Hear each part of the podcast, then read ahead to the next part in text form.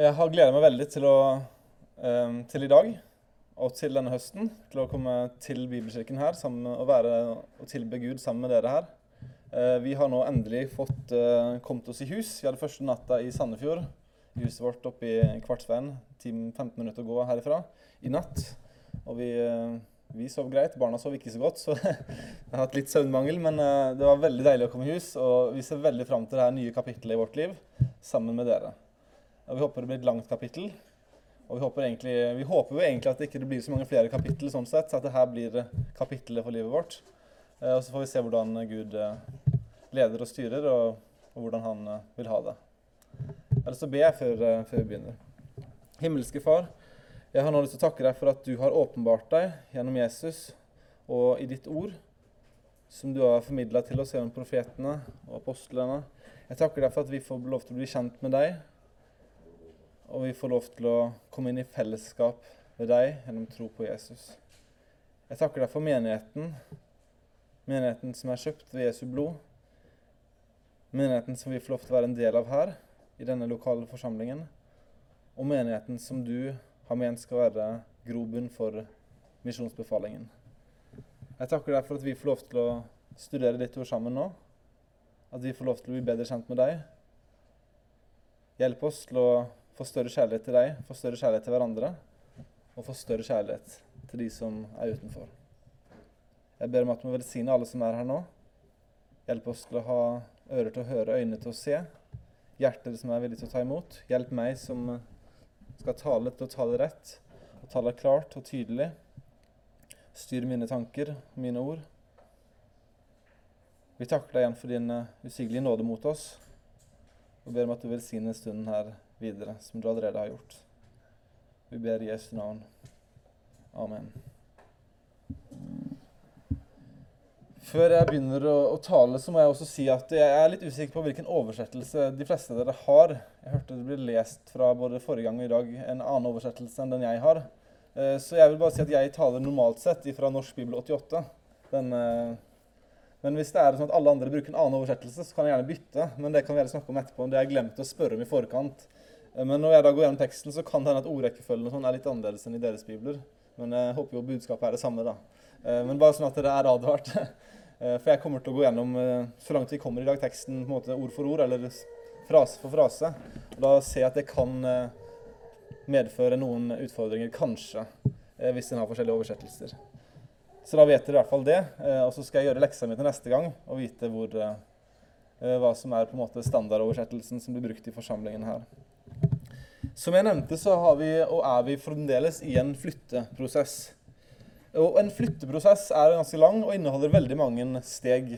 Alt ifra å ta beslutningen om å flytte, til å tilkalle megler, få takst, eh, begynne å rydde huset, forvisning, vaske huset, forvisning, selge unna ting, for huset er som regel overfylt, og meglerne vil ha det så skrapt som mulig, til å selge huset i en budrunde til å igjen vaske det ved overtagelse, pakke ned, selge enda mer, kaste noe. Flytte det dit en skal. Flytte det inn i huset en skal. Eller skal kjøpe et hus for den tid. Ny budrunde. Overta huset. Flytte tingene inn i huset. Montere møblene som man har demontert, osv. Mange, mange steg. En litt uh, slitsom og tidkrevende prosess. Og vi er nå helt på oppløpssida nå. På, vi har fått møblene inn i huset med god hjelp fra flere av dere i helga. Og vi driver nå og monterer møbler i huset. Vi er liksom ganske langt ute i denne prosessen. Og Det jeg begynte med i går, var altså å montere møbler. Eh, stort sett med hell så begynte jeg å montere en seng eller et par senger i går, og skal montere noen kommoder i dag. Men det som skjer når du har demontert et møblement og skal montere det opp igjen, er ofte, i hvert fall i mitt tilfelle, og jeg vet ikke om noen av dere kanskje kan relatere dere til det, er at en eh, gjerne har eh, ødelagt noen gjenger på noen skruer når en har skrudd det fra hverandre, som er vanskelig å få sammen igjen. En har kanskje ødelagt noen deler i prosessen. Og så er det denne, kanskje kardinalfeilen min, det er at jeg tror jeg skal huske fra hukommelsen hvordan det er å skru det sammen, det jeg tok fra hverandre. Nå finnes det jo stort sett eh, monteringsanvisninger på nettet. Både for Ikea og Jysk og de andre har på en måte det tilgjengelig, lett tilgjengelig. Men i min kanskje dårskap og stolthet, så tenker jeg at det her går fint. Jeg skrur det sammen som det var. Og det som skjer alltid, nesten alltid, og som skjedde i går, er at en eller annen del blir skrudd inn opp-ned, eller på en eller annen måte, sånn at eh, det ser ut som det passer. Men så kommer en senere i prosessen og skjønner at det her passer ikke i det hele tatt. Og da håper en bare at en ikke har kommet for langt i prosessen, for da må en gjøre alt tilbake igjen, og så må en gjøre det på nytt. Så det skjedde også i går. At jeg stolte på egen kraft, egen eh, hukommelse, ikke på monteringsanvisningen. Og monterte da en eller annen bjelke i en seng, opp ned, som da gjorde at uh, jeg måtte arbeide en, ja, i hvert fall en time ekstra. da. Så det var ikke så kritisk, men det, var, uh, det er irriterende. For den har lyst til å komme kjapt i hus. Jeg var oppe om Jysk i går. Det var en tidligere arbeidsgiver. Jeg jobbet fem år i Jysk da jeg var student og, og gikk på skolen. Og Der hadde vi også sånn at når vi solgte møbler, så var det noen kunder som var sånn at de insisterte på at jeg, jeg, monteringsanvisningen trenger jeg ikke. Der monterer jeg sjøl. Jeg vet ikke om noen av dere er sånne, sånne mennesker. Jeg kan få en håndsopprekning her som tenker at monteringsanvisningen er bortkasta. Dette får, får, jeg til bedre sjøl. Ja, og vi har en, sånn, ærlig sjel og så et par uh, som ikke er ærlige. Uh, og vi hadde da sånn at uh, det var nesten garantert at halvparten av disse kom inn igjen en dag eller to seinere og trengte da en ekstra skrue eller en, et eller annet som hadde skåret seg, en reservedel, fordi at de ikke ville bruke monteringsanvisningen.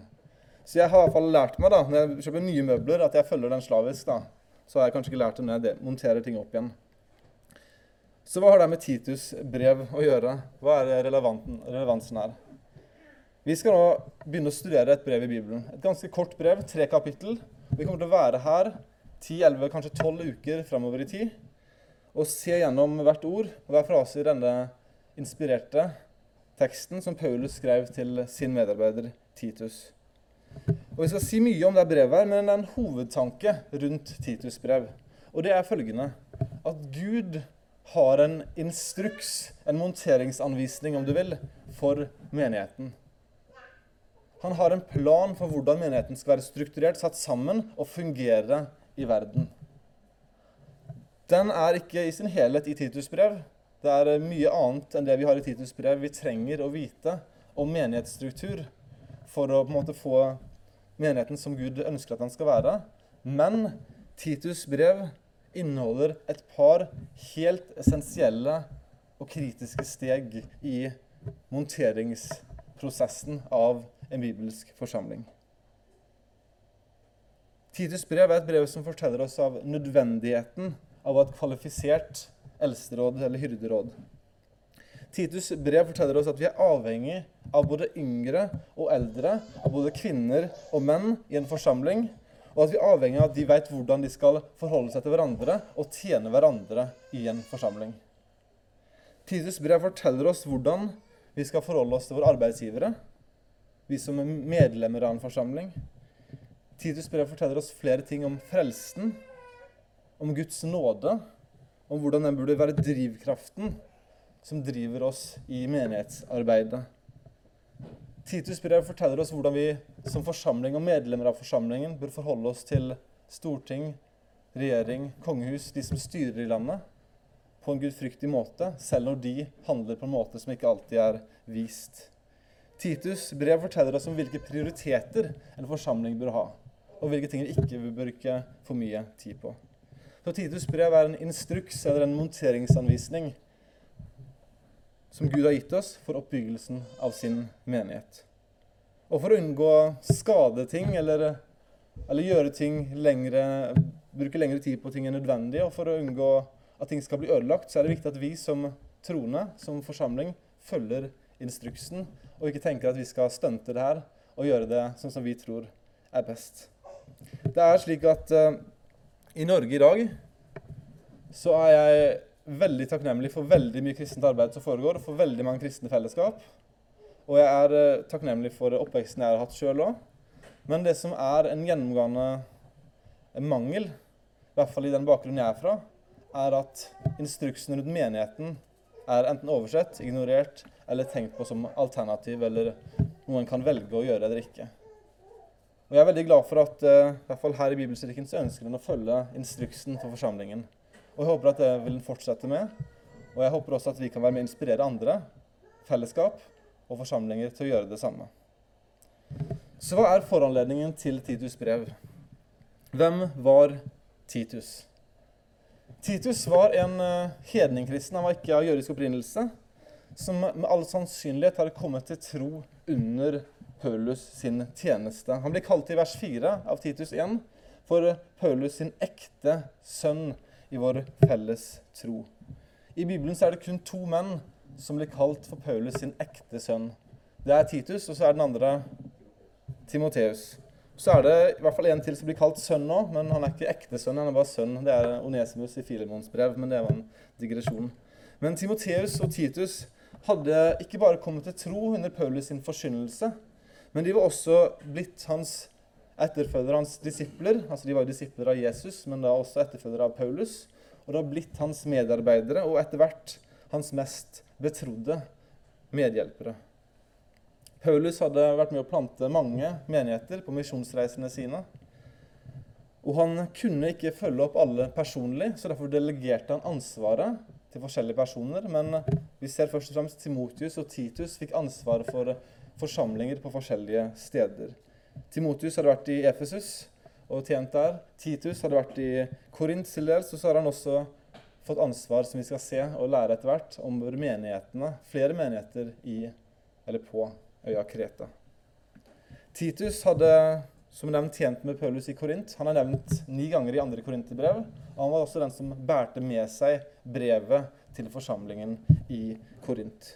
Vi vet at Titus var med Paulus da han i, i, i den hendelsen som er beskrevet i apostelgjerningen 15, apost, uh, det møtet i Jerusalem, hvor de diskuterte hvordan hedningene skulle bli inkludert i forsamlingen.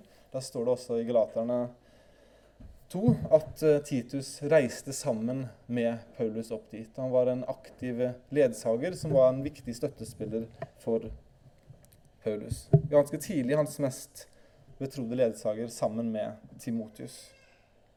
Ut fra apostlenes gjerninger vet vi at Paulus reiste på tre såkalte misjonsreiser. Hvor han reiste ut og kom tilbake igjen eh, og planta menigheter og var med og besøkte de på sin andre og tredje misjonsreise.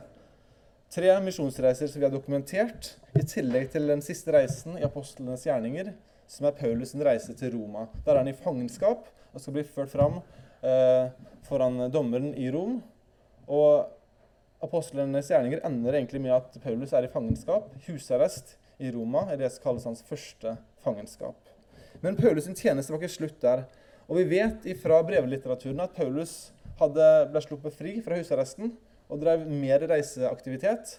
Og på denne turen, som eh, vi uoffisielt kan kalle Paulus sin fjerde misjonsreise Du finner ikke noe kart over denne bibelen, for vi vet ikke hvor han reiste.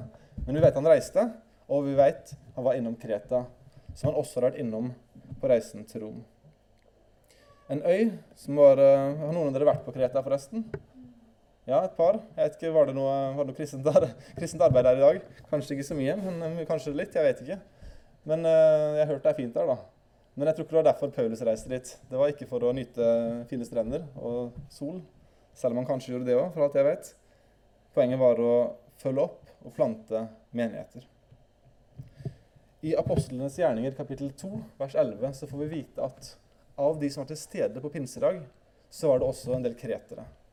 Og Det man tror da, er at det kom en del jødekristne, altså de som var jøder som ble omvendt til tro på pinsedag, at de reiste tilbake til der de kom fra, Kreta i dette tilfellet, og var med å kanskje plante menigheter ganske tidlig, altså kanskje på midten av 30-tallet. At det hadde vært noen menigheter planta, men som kanskje ikke hadde fått noe oppfølging eller eh, retningslinjer eh, som de kunne hvile på. De hadde fått det grunnleggende, men ikke fått på en måte instruksen som vi har her i Titus brev. Så Paulus, som er innom Kreta på vei til Rom i sitt første fangenskap, og som senere besøker Kreta, får da litt hjerte for denne øya og for menighetene der. Og så er det sånn at Han kan dessverre ikke være igjen på Kreta sjøl. Han er nødt til å gjøre andre ting, vi vet ikke hvorfor, men han er nødt til å forlate Kreta og forsamlingene. Og Det er da han har Titus, som han sier at han skal være igjen og følge opp forsamlingene på øya. Ikke bare én forsamling, men flere forsamlinger. Det en ser ut som det var i hvert fall én forsamling i hver by på øya. Nå vet jeg ikke hvor mange byer det var på den tiden heller, det kunne jeg kanskje sjekke opp i, men det var i hvert fall flere forsamlinger som Titus skulle følge opp og eh, fungerer som en slags midlertidig eldste på vegne av Paulus. For å sette, få de på en måte skikkelig i gang og få de inn i det bibelske mønsteret som eh, Paulus hadde fått fra Gud, og som ville at forsamlingene skulle være. Og Vi ser da altså fra Paulus sine reiser, og det er bare lyst til å skyte inn som en ny digresjon, at, at Paulus var ikke i utgangspunktet opptatt av å bare nå mest mulig område, koste hva det koste vil. Han var opptatt av å nå mange, men han var opptatt av at menighetene skulle bli plantet, og de skulle bli sunne, før han på en måte overlot stafettpinnen. Og du ser på reisene, på misjonsreisene hans, Han dro ikke forskjellige steder hver gang. Han dro tilbake og besøkte de for å følge opp arbeidet. Og Så etterlot han sine arbeidere der, og så sendte han brev til de, og så fulgte han det opp. Og Det er på en måte den modellen også vi må tenke tenke at det er en, en sunn modell, og som vi bør støtte opp om. Evangeliseringsarbeid som ikke bare er å bare ikke bare i hermetegn, men å vinne for Kristus. Det er selvfølgelig det første steget og det viktigste steget. Men det stopper ikke der. En skal også være med å få det inn i sunne forsamlinger og bygge forsamling. Det er den bibelske modellen som Paulus var tro til, og som han satte som eksempel også for oss. Så jeg håper dagen kommer at det er fullt her, at vi, å, at vi er så mange at vi, vi, må faktisk sende noen til en annen by og starte en ny forsamling. Og da er ikke det bare å vinne for Jesus, men det er også å bygge forsamling der vi drar. Så det er en visjon, da. Så det er lov å håpe at det skjer. Og det var i hvert fall Paulus sin modell. Så Titus er igjen på Kreta. Så skjer det, som skjer mange plasser, at det var motstand ulver kom inn i forsamlingen og begynte å gjøre det vanskelig for, for Titus å lede forsamlingen der. Det var to grupper, kanskje det var samme personer, men som drev med to forskjellige ting. Eller så var det to forskjellige grupper som skapte problematiske tilstander for Titus. Det ene var de som var, ikke hadde klart å måte, gi slipp på, på, den jødiske religionen. Når jeg snakker om den jødiske religion nå, så mener jeg ikke på en måte sann jødedom fra Den gamle testamentet. Da mener jeg den perverse jødedommen som hadde utvikla seg, og som var rådende i Israel på Jesus sin tid. Som var drevet av, av ypperstepressen der, og som i stor grad hadde avveket fra det som var de bibelske prinsippene som vi finner i Gamle testamentet. Mange av de var bundet opp mot det, og de så anledningen når Paulus forlot Kreta, til å prøve å innføre noen av disse jødiske ritualene i de kristne forsamlingene for å skape en slags hybrid. Var det spørsmål? Ja. Ja. Det var Det er flere ting med det. det som en, Ordet perverst er jo et grovt uttrykk, men jeg tror det er berettiget å bruke det når, for å beskrive jøderommen som stort sett da, var sentrert rundt tempeltjenesten i, i, Jerusalem. Det var flere ting. Det ene var, var at det var menneskebud som var blitt lagt til eh, budene i Gamle testamentet. Det var jo mange bud. Hvis du har lest gjennom Tredje Mosebok, så ser du at det er et par bud i, i denne loven. Men eh, de dedikerte fariseerne og jødene eh, syntes det ikke var nok. Og de tenkte at det strengere og dess mer ivrig vi er etter å holde loven, og ikke bare loven, men også det som utvikla seg og ble en muntlig forståelse og tolkning av loven, det, dess nærmere vi holdt oss den, dess bedre var det. Så ble det lagt mange ekstra rammer for å forsikre seg om at ikke de brøyt sabbaten, f.eks. Sabbaten var en Guds gave til folket. Det skulle være en dag for fellesskap, hvile, Guds tilbedelse. Det ble den verste dagen i uka for jødene. For de kunne ikke gjøre noen ting. De kunne knapt eh, krysse gata uten å ha brutt en lov. Og det ble eh, ekstremt mange ekstra bud som ble lagt ned og tredd over hodene på de som var gudstro tro jøder, som, som, gjorde det veldig vanskelig for dem å, å praktisere sin tro med ren samvittighet. Så det var en grov form for loviskhet. Selv om vi har lov i Det gamle testamentet, så var det ikke loviskhet eh, som ble innført. Kriteriet for frelse i GT var også tro på en nådig frelser. De visste ikke nøyaktig at det var Jesus som kom, men det var tro på en nådig Gud som var kriteriet for frelse da, som det er nå. Uh, mens uh, dette systemet som har utvikla seg, var uh, masse pålagte menneskebud som har utvikla seg i, i den muntlige tradisjonen som også ble skrevet ned etter hvert. Så det var den ene tingen. Den andre var maktkampen og misbruket av, av, av offertjenesten. Det var det var sånn at man måtte, det, var, det er krav til hvordan dyrene skal være når du skal ofre dem. Det skal være lyteløse dyr, dyr som ikke er, har skavanker og sånn. Og det var nå greit nok. Men de innførte en praksis i Jerusalem hvor man kun hadde lov til å ofre sertifiserte dyr. Så dyr som hadde blitt anerkjent av eh, de som styrte tempelet, ypperstepresten og hans, måte, hans folk, som måtte, måtte stemple dyra og så selge disse sertifiserte dyrene, som kosta mye mer enn de dyrene de kom med sjøl. Og det her ble en, et pengemaskineri som var ganske Det ble ekstremt pengemisbruk og maktmisbruk, eh, som da ypperstepresten og prestene, for det var flere av de, eh, etter hvert eh, tredde nedover over jødene. Så de som kom, det var jo mange, eh, i hvert fall en del, sanne troende jøder, kom til Jerusalem for å tilby sin Gud og ofre offerhandlingene som var pålagt. For dem ble det en mye større påkjennelse av økonomisk tvang. Så, så, det er på en måte elementene. Det var maktmisbruk og, eh, og uh, loviskhet. Det var sikkert flere ting om det, jeg kom på i farten. i hvert fall. Um, så det var sånn, kort fortalt det jeg kom på i hodet. da.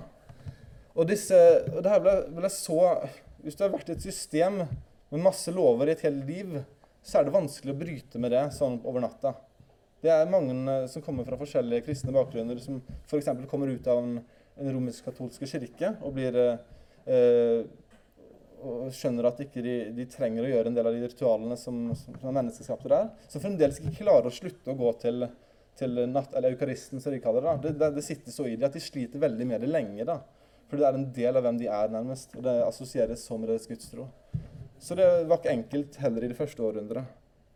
Og vi skal, se, vi skal snakke mer om det her siden, da, men du ser at det er, eh, det er snakk om jødiske det står i vers 10 i kapittel 1 at det finnes mange gjenstridige, særlig blant dem med omskjærelsen, som farer med tomt snakk og fører folk vill. Så det var en av utfordringene på Kreta. Og vi skal se mer om det senere, hva det vil innebære. Men, men det er altså, sannsynligvis røtter til det som var den avvikende jødedommen.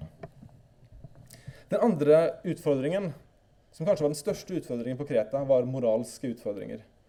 Det står en beskrivelse av kreterne for en av dikterne her den leser vi i vers 12 eh, av Titus 1,12. Det står en av dem, en profet av deres eget folk, har sagt kretere er alltid løgnere, onde villdyr, dovne storetere. Det var beskrivelsen en poet hadde, hadde skrevet om kretiske folk. Og så sier Paulus i vers 13 dette vitnesbyrdet er sant. Det var en sann og riktig beskrivelse av kulturen kreterne levde i, som også hadde påvirka de som gikk i menigheten der. Og det her er kanskje den hovedutfordringen som blir adressert i brevet, i hvert fall i kapittel 2 og 3. Og Vi ser at uh, disse, disse si, særdeles negative beskrivelsene også hadde påvirka menighetens medlemmer. Og nå skulle de uh, bli satt litt på rett kjøl, kort fortalt. Så det er det som blir adressert her. Det er uh, avvikende teologi som sannsynligvis har røtter i, i jødedom. ikke bibelsk jødedom, men ubibelsk jødedom. Og så er det eh, moralske, moralske svakheter pga. kulturen, som også har påvirka forsamlingene. Så disse utfordringene sto Titus overfor. Og Det som kanskje også var eh, utfordringen for Titus, var at eh, han ikke hadde samme, samme navnet som Paulus hadde. Når han ble forlatt på Kreta, så begynte folk å stille spørsmålstegn med hans autoritet og med hans, med hans rett til å lede forsamlingene der. Så Titus mottar dette brevet fra Paulus ikke for at Titus skulle få beskjed om hvordan menigheten skulle organiseres, men som et slags dokument som han kunne ta med seg og sertifisere hans rolle i forsamlingene. Det var ikke sånn at Titus ikke visste om eldste og kravene til eldste fra før. Han hadde vært med og planta menigheter før. Han hadde reist med Paulus. Det står i vers, vers, vers 5 at, at Paulus sier til ham, jeg lot deg bli igjen på Kreta for at du skulle ordne det som ennå sto igjen, og innsette eldste i hver by. Og sier han, 'Slik jeg påla deg'. Så han hadde fått instruksen før. Han visste hva han skulle gjøre. Brevet er ikke skrevet for å opplyse Titus, men er skrevet for at Titus skulle få den nødvendige backingen i et apostolisk brev fra Paulus, som han kunne på en måte si, vise til disse motstanderne at det her er, det er ikke noe jeg har funnet på. Det her er noe Paulus, apostelen, som de hadde nok litt mer respekt for, har, eh, har skrevet. Uh, og det her kommer fra Gud. ultimat sett. Det er ikke noe jeg som Titus Jeg prøver ikke karriere på Kreta. Jeg gjør den tjenesten jeg er satt til, av Paulus. Tusen takk. Så det er kort fortalt ikke noe som er skrevet for å opplyse Titus, men det er for å gi Titus den ryggdekningen han trenger. Så er det flott for oss da, at dette er et inspirert brev som vi kan ha glede av i dag, og trenger i dag. For det er mange ting her som er litt uh, typiske som kun står i Titus brev, som ikke har andre plasser. Så det er en unik funksjon også i den kristne menighet i dag. Så jeg er iallfall takknemlig for at vi har dette brevet her.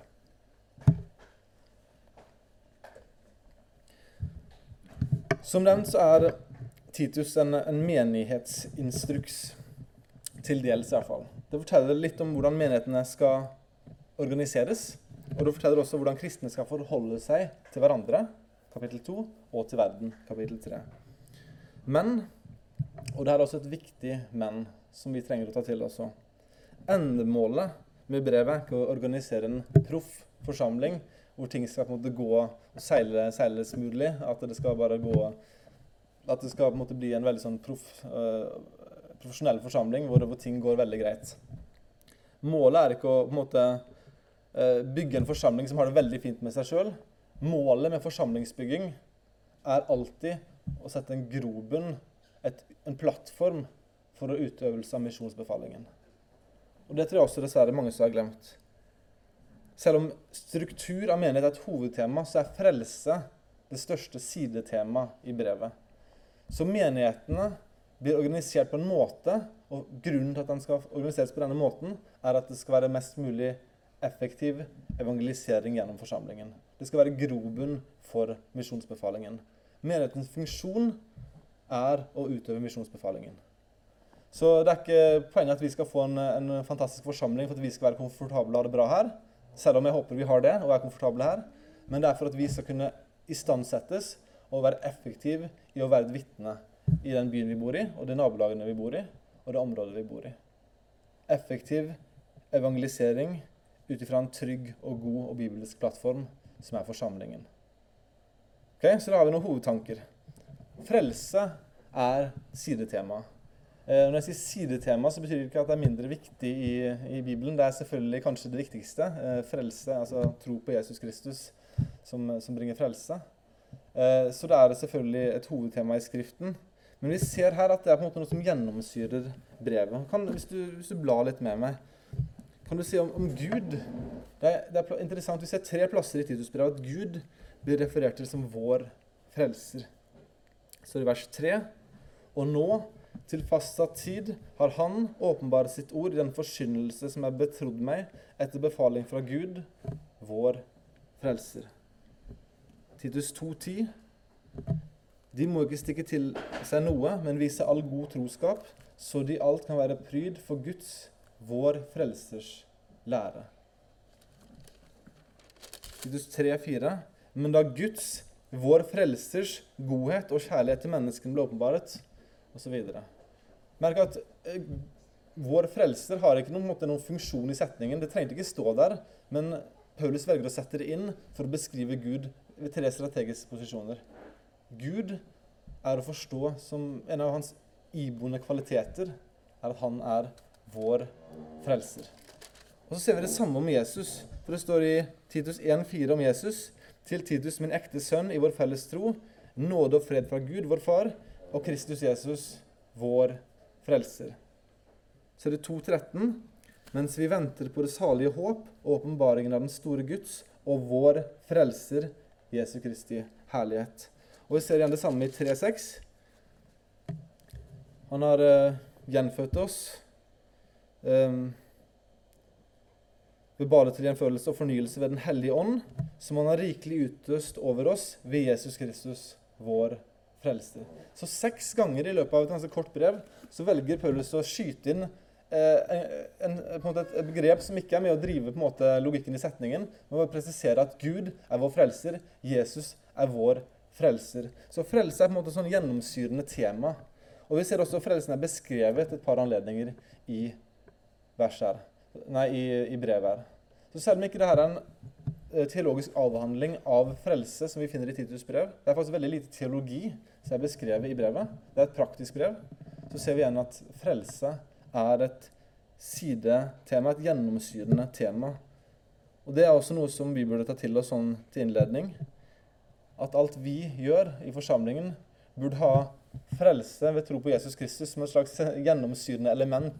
Det burde på en måte være en del av alt vi gjør, at vi, vi er her fordi vi er frelst. Og en del av grunnen til at vi er her, er at vi vil takke Gud for at han har frelst oss, og vi vil prise han for at han har frelst oss. og så vil vi være med å bringe dette budskapet om frelse videre til de som ikke ennå tror. Frelse er på en måte noe som gjennomsyrer og burde gjennomsyre alt vi som kristne tar til oss og gjør. Så det var litt om bakgrunnen, foranledningen, på Titus' brev. Strukturen er ganske enkel. Det er en begynnelse og en avslutning. Det kunne du sikkert funnet ut av sjøl. Så har vi kapittel 1, som hovedsakelig handler om menighetsstruktur, hvordan menigheten skal organiseres. Spesielt fokus på eldste. Kapittel 2, menighetsliv, hvordan menighetens medlemmer skal leve med hverandre. Der får vi altså instrukser for eldre, yngre, kvinner og menn. Kapittel 3, menighetsvitne. Da ser vi til dels i hvert fall hvordan menighetens medlemmer skal leve i verden. Og vi trenger hjelp og instruks om alle disse tingene for å være effektive og trofaste i vår oppfyllelse av misjonsbefalingen her vi er. Jeg skal bare se hva klokka er nå, for jeg skjønner at jeg har brukt en del tid allerede. Og, eh, så jeg kommer nok ikke så langt inn i teksten i dag. Men eh, med mindre jeg blir stengt ned, så får jeg lov til å komme tilbake neste søndag og søndagen etter der. Og da kommer vi videre. Men jeg skal fortsette litt til, i hvert fall. Vi kan lese de fire første versene i Titus kapittel 1. Paulus, Guds tjener og Jesu Kristi apostel, til å føre Guds utvalgte til tro og til å kjenne den sannhet som hører til Guds frykt, i håp om evig liv. Det har Gud, som ikke kan lyve, gitt løfte om fra evighet av. Og nå, til fastsatt tid, har han åpenbart sitt ord i den forkynnelse som er betrodd meg etter befaling fra Gud, vår frelser.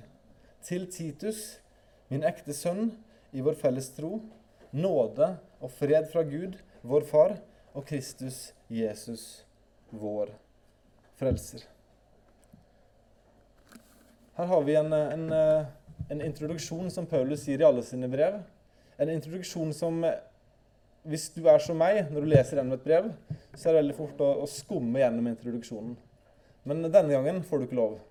Denne gangen skal vi stoppe opp og se på hva denne introduksjonen inneholder, og hvorfor han sier det han sier. For selv om introduksjonene i brevene er relativt like, så er de også ulike. Og det er en grunn til at ting blir sagt på måten det blir sagt på. Så la oss først møte avsenderen av brevet. Første ordet, eller navnet vi har, Paulus. Paulus. I tråd med hva som var vanlig i tiden, så begynte de brevene alltid med å skrive navnet sitt. Og Hvis du tenker over det, så gir det litt mer mening enn å sette navnet helt til slutt. Så du må lure på hvem er det som har skrevet der, og så finner du ut av det på slutten. Det er mye mer ryddig å si med en gang Paulus. Ja, det, var, det, det, er ikke et problem nå, tror jeg, når det er stort sett ting som skjer elektronisk, og en ser signaturen med en gang. Men i hvert fall det som var standard i det første århundret. Han skrev navnet sitt først for å indikere hvem som skrev brevet. Paulus var hans greske navn. Hans jødiske navn var Saulus. Han brukte nok begge deler livet ut. Man tenker ofte han skifta navn da han ble frelst. Det er ikke sannsynlig, selv om det ser ut som at navnet endrer seg i apostlenes gjerninger. Men han brukte nok begge navnene i forskjellige settinger i livet ut. Han var jøde av ett, men han var også romersk statsborger, og brukte nok Paulus når han samtalte og forhandlet med hedninger, og Saulus når han var sammen med jøder. Saulus eh, fra Benjamins stamme, egentlig en av de minste stammene og mest betydelige stammene i Israel. Men han fikk navnet til den mest fremste personen fra den stammen. Den første kongen i Israel, kong Saul. Så han hadde i hvert fall det mest ærbødige navnet fra Benjamins stamme. Han var eh, en eh, disippel av en Gamaliel, opplært i, i loven. Eh, sannsynligvis særdeles intelligent en nidskjær mann for loven. Han, var, han, han gikk lenger enn alle andre, sier han. Han, han var en av de mest dedikerte til loven, og også sannsynligvis til den muntlige tradisjonen som hadde utvikla seg. Han var en dedikert religiøs jøde med et glimrende intellekt. Og det, den fordelen at han både var romersk statsborger og jøde, så han kom inn alle plasser og hadde muligheter eh, til å både forhandle og snakke med folk i alle sosiale ledd fra begge på en måte etniske grener. Men det er ikke sin eh, jødiske bakgrunn, det er ikke hans intellekt, det er ikke hans romerske statsborgerskap som Paulus bruker for å introdusere seg selv i dette brevet. Han bruker to begrep for å beskrive hvem han selv er. Paulus han er Guds tjener og Jesu Kristi apostel. Det er ingenting tilfeldig i ordvalgene her. Paulus er Guds tjener. Og det er en tittel han bruker om seg sjøl for å sette seg selv inn i samme linje som profetene fra Det gamle testamentet. Som jeg nevnte, så var det sannsynligvis mennesker fra jødisk bakgrunn som hadde vært i forsamlingen, og som også hadde vært med å skape litt utfordringer, i hvert fall noen av de. Og for Paulus så måtte han stadfeste at han var en mann som kom fra den samme Gud, med den samme autoritet som de av Guds tjenere fra Det gamle testamentet.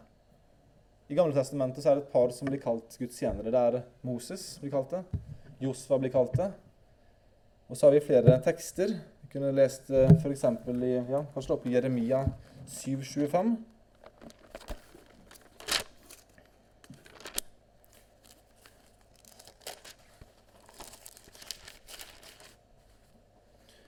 Hvor, eh, hvor, eh, hvor, Jeremia sier, Da er vi midt i et avsnitt her, men da sier han Jeremia 725. Like fra den dag deres fedre dro ut av landet Egypt, helt til denne dag sendte jeg daglig til dere alle mine tjenere, profetene, tidlig og seint. Så profetene blir kalt Guds tjenere. Og Vi ser det samme i Amos 3,7, der eh, profeten skriver Herren, Herren, gjør ikke noe uten at han har åpenbart sine skjulte råd for sine tjenere, profetene. Så når Paulus i Titusbrevet kapittel 1 sier at han er Guds tjener, så setter han seg selv inn i en rekke av menn. Menn som disse jødene ville respektert. Moses var jo helten over alle helter for, eh, for, for jødere i, i denne tiden. Moses var den som kom med loven, og han som kom med loven var, måte, han var prima. Var, Gud var høyest, selvfølgelig. Moses var, var, nummer to. Og han stiller seg, Paulus seg i rekka fra Moses, Josfa, profetene, Paulus. Og Det er for å etablere autoritet og for å si at jeg er sendt fra den samme Gud, og jeg har fått samme delegerte ansvar som profetene i Gamle testamentet fikk. Men det var ikke bare at han var en Guds tjener, selv om ikke det var lite. Han var også Jesu Kristi apostel.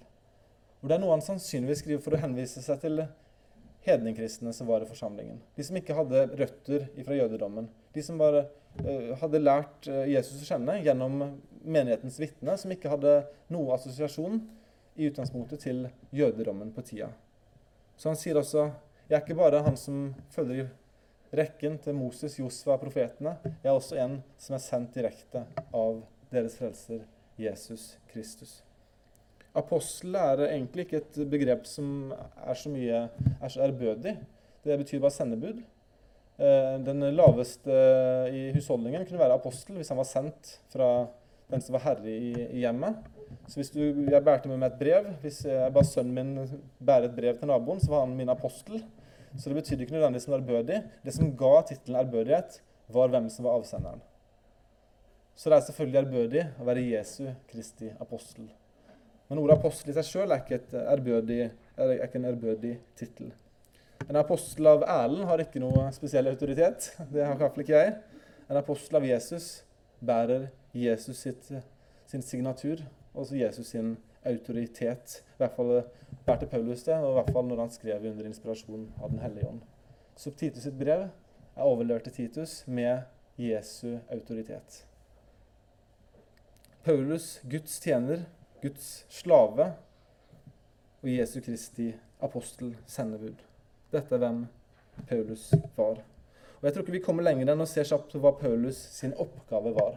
Men jeg tror det skal være oppmuntrende nok i seg sjøl. Hva var Paulus sin oppgave? Det er to ting vi ser her. Å føre de utvalgte, Guds utvalgte, til tro. Det er det første vi ser. Paulus, Guds tjener, Jesu Kristi apostel, til å føre Guds utvalgte til tro. Her ser vi, og jeg syns dette er fint, hvordan Gud involverer mennesker i sitt arbeid. Vi skal se, i hvert fall eh, kanskje senere i dag, men sannsynligvis neste gang, hvordan, hvordan det skjedde noe før verdens grunnvoll ble lagt til. At Gud hadde en frelsesplan han visste til og med før han skapte verden, at menneskene kom til å synde. Men så tenkte han selv om de kommer til å synde, så skal jeg allerede nå ha en frelsesplan i orden. Og så det at han har utvalgt fortapte syndere til frelse. Så Gud har allerede bestemt at mennesker skal bli frelst. Og det er fantastisk. Men han gjør ikke sånn at han bare frelser dem ut av ingenting. Han bruker og involverer oss, disipler av Jesus, etterfølgerne, til å føre disse utvalgte til frelse. Beklager. Paulus forstår at Gud ikke er avhengig av Paulus, men han priser seg lykkelig over å få være en del av denne tjenesten. Han får lov til å være med å føre disse menneskene til tro. Han kan ikke frelse noen i seg sjøl. Jeg kan ikke frelse noen. Du kan ikke frelse noen. Gud kan frelse. Vår oppgave er å føre disse utvalgte til tro. Og Jeg kan ikke bruke mye tid på det her nå, men la meg si følgende. Det at Gud allerede før verdens grunnvoller ble lagt til, har utvalgt mennesker til frelse, betyr at vi har garanti for suksess når vi utfører vår misjonsbefaling. Det er, Gud har garantert at mennesker vil bli frelst. Han har garantert at det skal skje. Og vi får lov til å være med og føre dem til Jesus. De må bli ført til tro på Jesus av andre mennesker, av meg. Og vi får lov til å være med på dette arbeidet. Og det er fantastisk. Gud ønsker at alle skal bli frelst og komme til sannhetserkjennelse. Men vi vet at mange vil avvise evangeliet og vende seg bort fra det. Men fra evighet av har Gud garantert at det vil bli frelst mennesker. Også i denne tid, som kan virke mer og mer ugudelig enn han har vært før. Det har vært verre før, så vi skal ikke miste helt motet. Det går i bølger. Det er ille og det er bra, men det er stort sett det samme. Folk trenger å bli frelst, og sånn er det også i dag. Gud har garantert det fra evighet av at mennesker vil bli frelst. Og vi får lov til å være med og føre mennesker til Jesus. Alle blir dessverre ikke frelst. Det er mange som vender seg bort og avviser kallet. Men vi får lov til å være med og føre de som responderer til Jesus. Og vi gir den invitasjonen til alle, og alle får muligheten. Og vi vil være med og spre dette til alle som kan høre, alle som kan lese, alle som kan forstå. Og så ønsker vi å føre de til Jesus. Og Gud har garantert at det vil skje at mange blir frelst. Og Det var det første Paulus sa som sin hovedoppgave. Han skulle være med å føre Guds utvalgte til tro. Men det er én ting til han også skulle gjøre. Han skulle føre dem til å kjenne den sannhet som hører til Guds frykt. Ordet 'å kjenne' er eh, Nå skal ikke jeg være for, for, teknisk her, og vi nærmer oss avslutning for dere som begynner å bli tålmodig. Det er epignosis, som betyr å kjenne fullt ut eller ha en inngående, personlig en, en opplevelsesnærmest kjennskap til noe.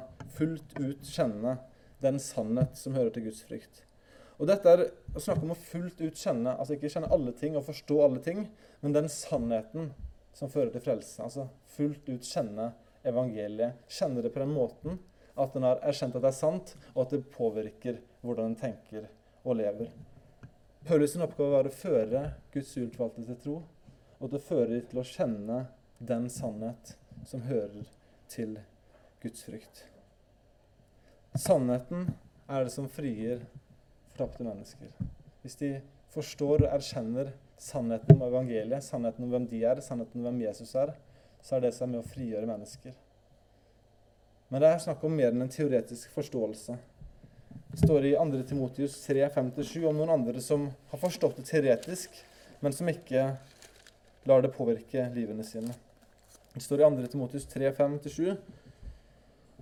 Um, nei, eh, ja, skal, du kan lese fra vers 1. Men dette skal du vite, at i de siste dager skal det komme vanskelige tider.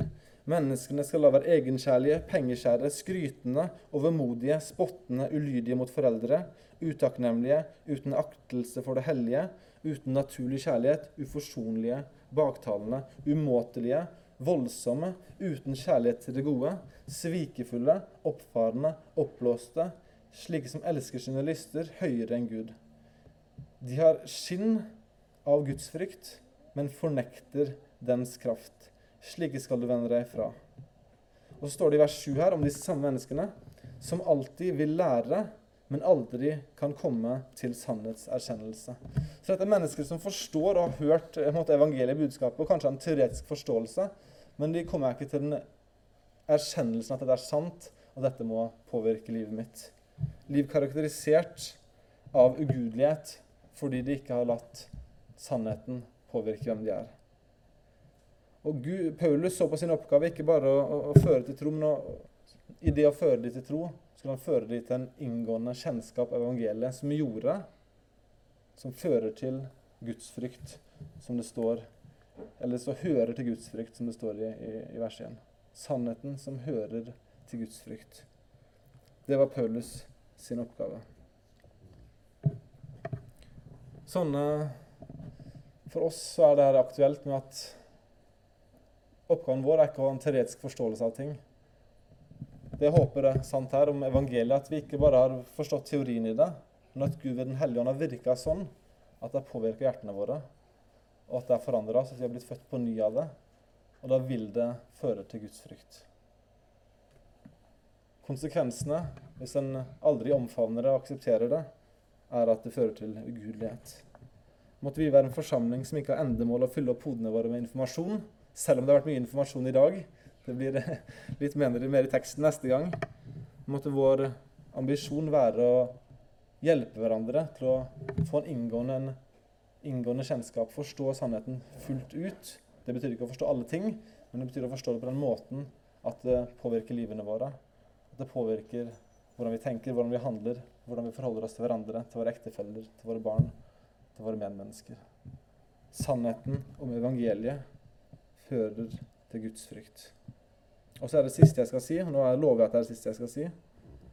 Det er det siste som står i setningen.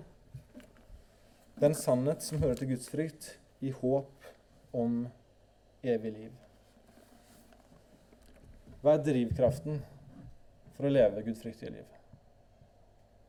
Jeg tror i hvert fall en av hovedtingene som blir påpekt i Bibelen, er at vi som troende har håp om evig liv. Vi som kristne har noe ingen andre har. Vi har håp om at det er et evig, et fantastisk liv som venter oss når vi legger oss i grava. Det er ikke slutt der. Det blir bedre, og vi skal være der evig. Håp om evig liv. Livet er ekstremt kjørt. Det står i Jakobs brev 4,14.: Dere som ikke kjenner morgendagen, hva er vel deres liv? Dere er jo bare en røk som viser seg en liten stund, og så borte. Det neste er blåser og lyser, så ser vi røyken et par sekunder, og så er den vekk. Sånn beskriver Jakob livene våre. Av og til kan de føles lange. Livene våre går raser forbi en fart, og så er det slutt. Vi kan leve gudfryktig på denne jord i dette liv fordi vi har håp om et neste liv, et evig liv. Et fullkomment liv med Kristus. Vi har i Kristus håp om evig liv. La det være den siste tanken. Når, når tenkte du sist på evigheten? At du har et håp pga. hva Jesus har gjort. Et håp som strekker seg langt utover det du kan se i dag og morgen og neste uke.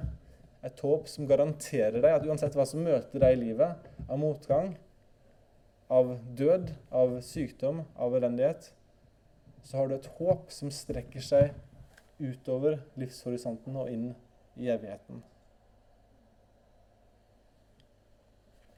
Måtte vi være mennesker, måtte du være et menneske som eh, dveler litt mer med evigheten.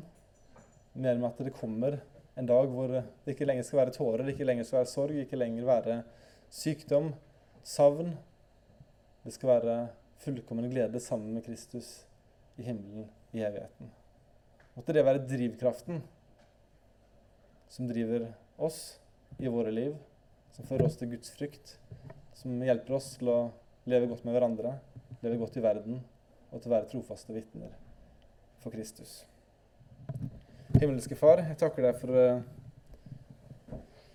disse frasene og disse, verste vi har fått sett på nå. Takker deg for at uh, du brukte Paulus, at han var trofast i sin tjeneste, så han kunne overlevere dette brevet til Titus, og vi kan få lov til å glede dere i dag. Måtte du hjelpe oss til å leve i lys av evigheten, kjære far. Du ser der uh, tusenvis av bekymringer vi kan legge på oss over hva som skal skje av sykdom, av økonomi, av praktiske ting. Måtte du hjelpe oss til å ha riktig perspektiv. Hjelpe oss til å leve i håpet, i lys av håpet om evigheten. Livet i evigheten sammen med, sammen med deg. Nå ber jeg om at du må hjelpe oss i ukene som kommer, til å ta til oss det som blir sagt her i ditt ord. Du må hjelpe oss å anvende det på livene våre at det må bli til liv, ikke tom og død kunnskap i hodene våre. Måtte det nå hjertene våre også. Måtte det prege oss hvordan vi tenker, hvordan vi lever. Og Vi takker deg igjen for at du har frelst oss, at du har før verdens grunnvoll ble lagt tenkt på oss. At du sendte din sønn for å dø for oss, så vi kan få lov til å ha fellesskap med deg i dag. Kjære far, det er stort, det er større enn vi kan fatte. Vi takker deg for at du ikke ga opp på oss, at ikke du lot oss møte dommen med en gang, at du lot oss få nådetid, og at du lot oss få frelse.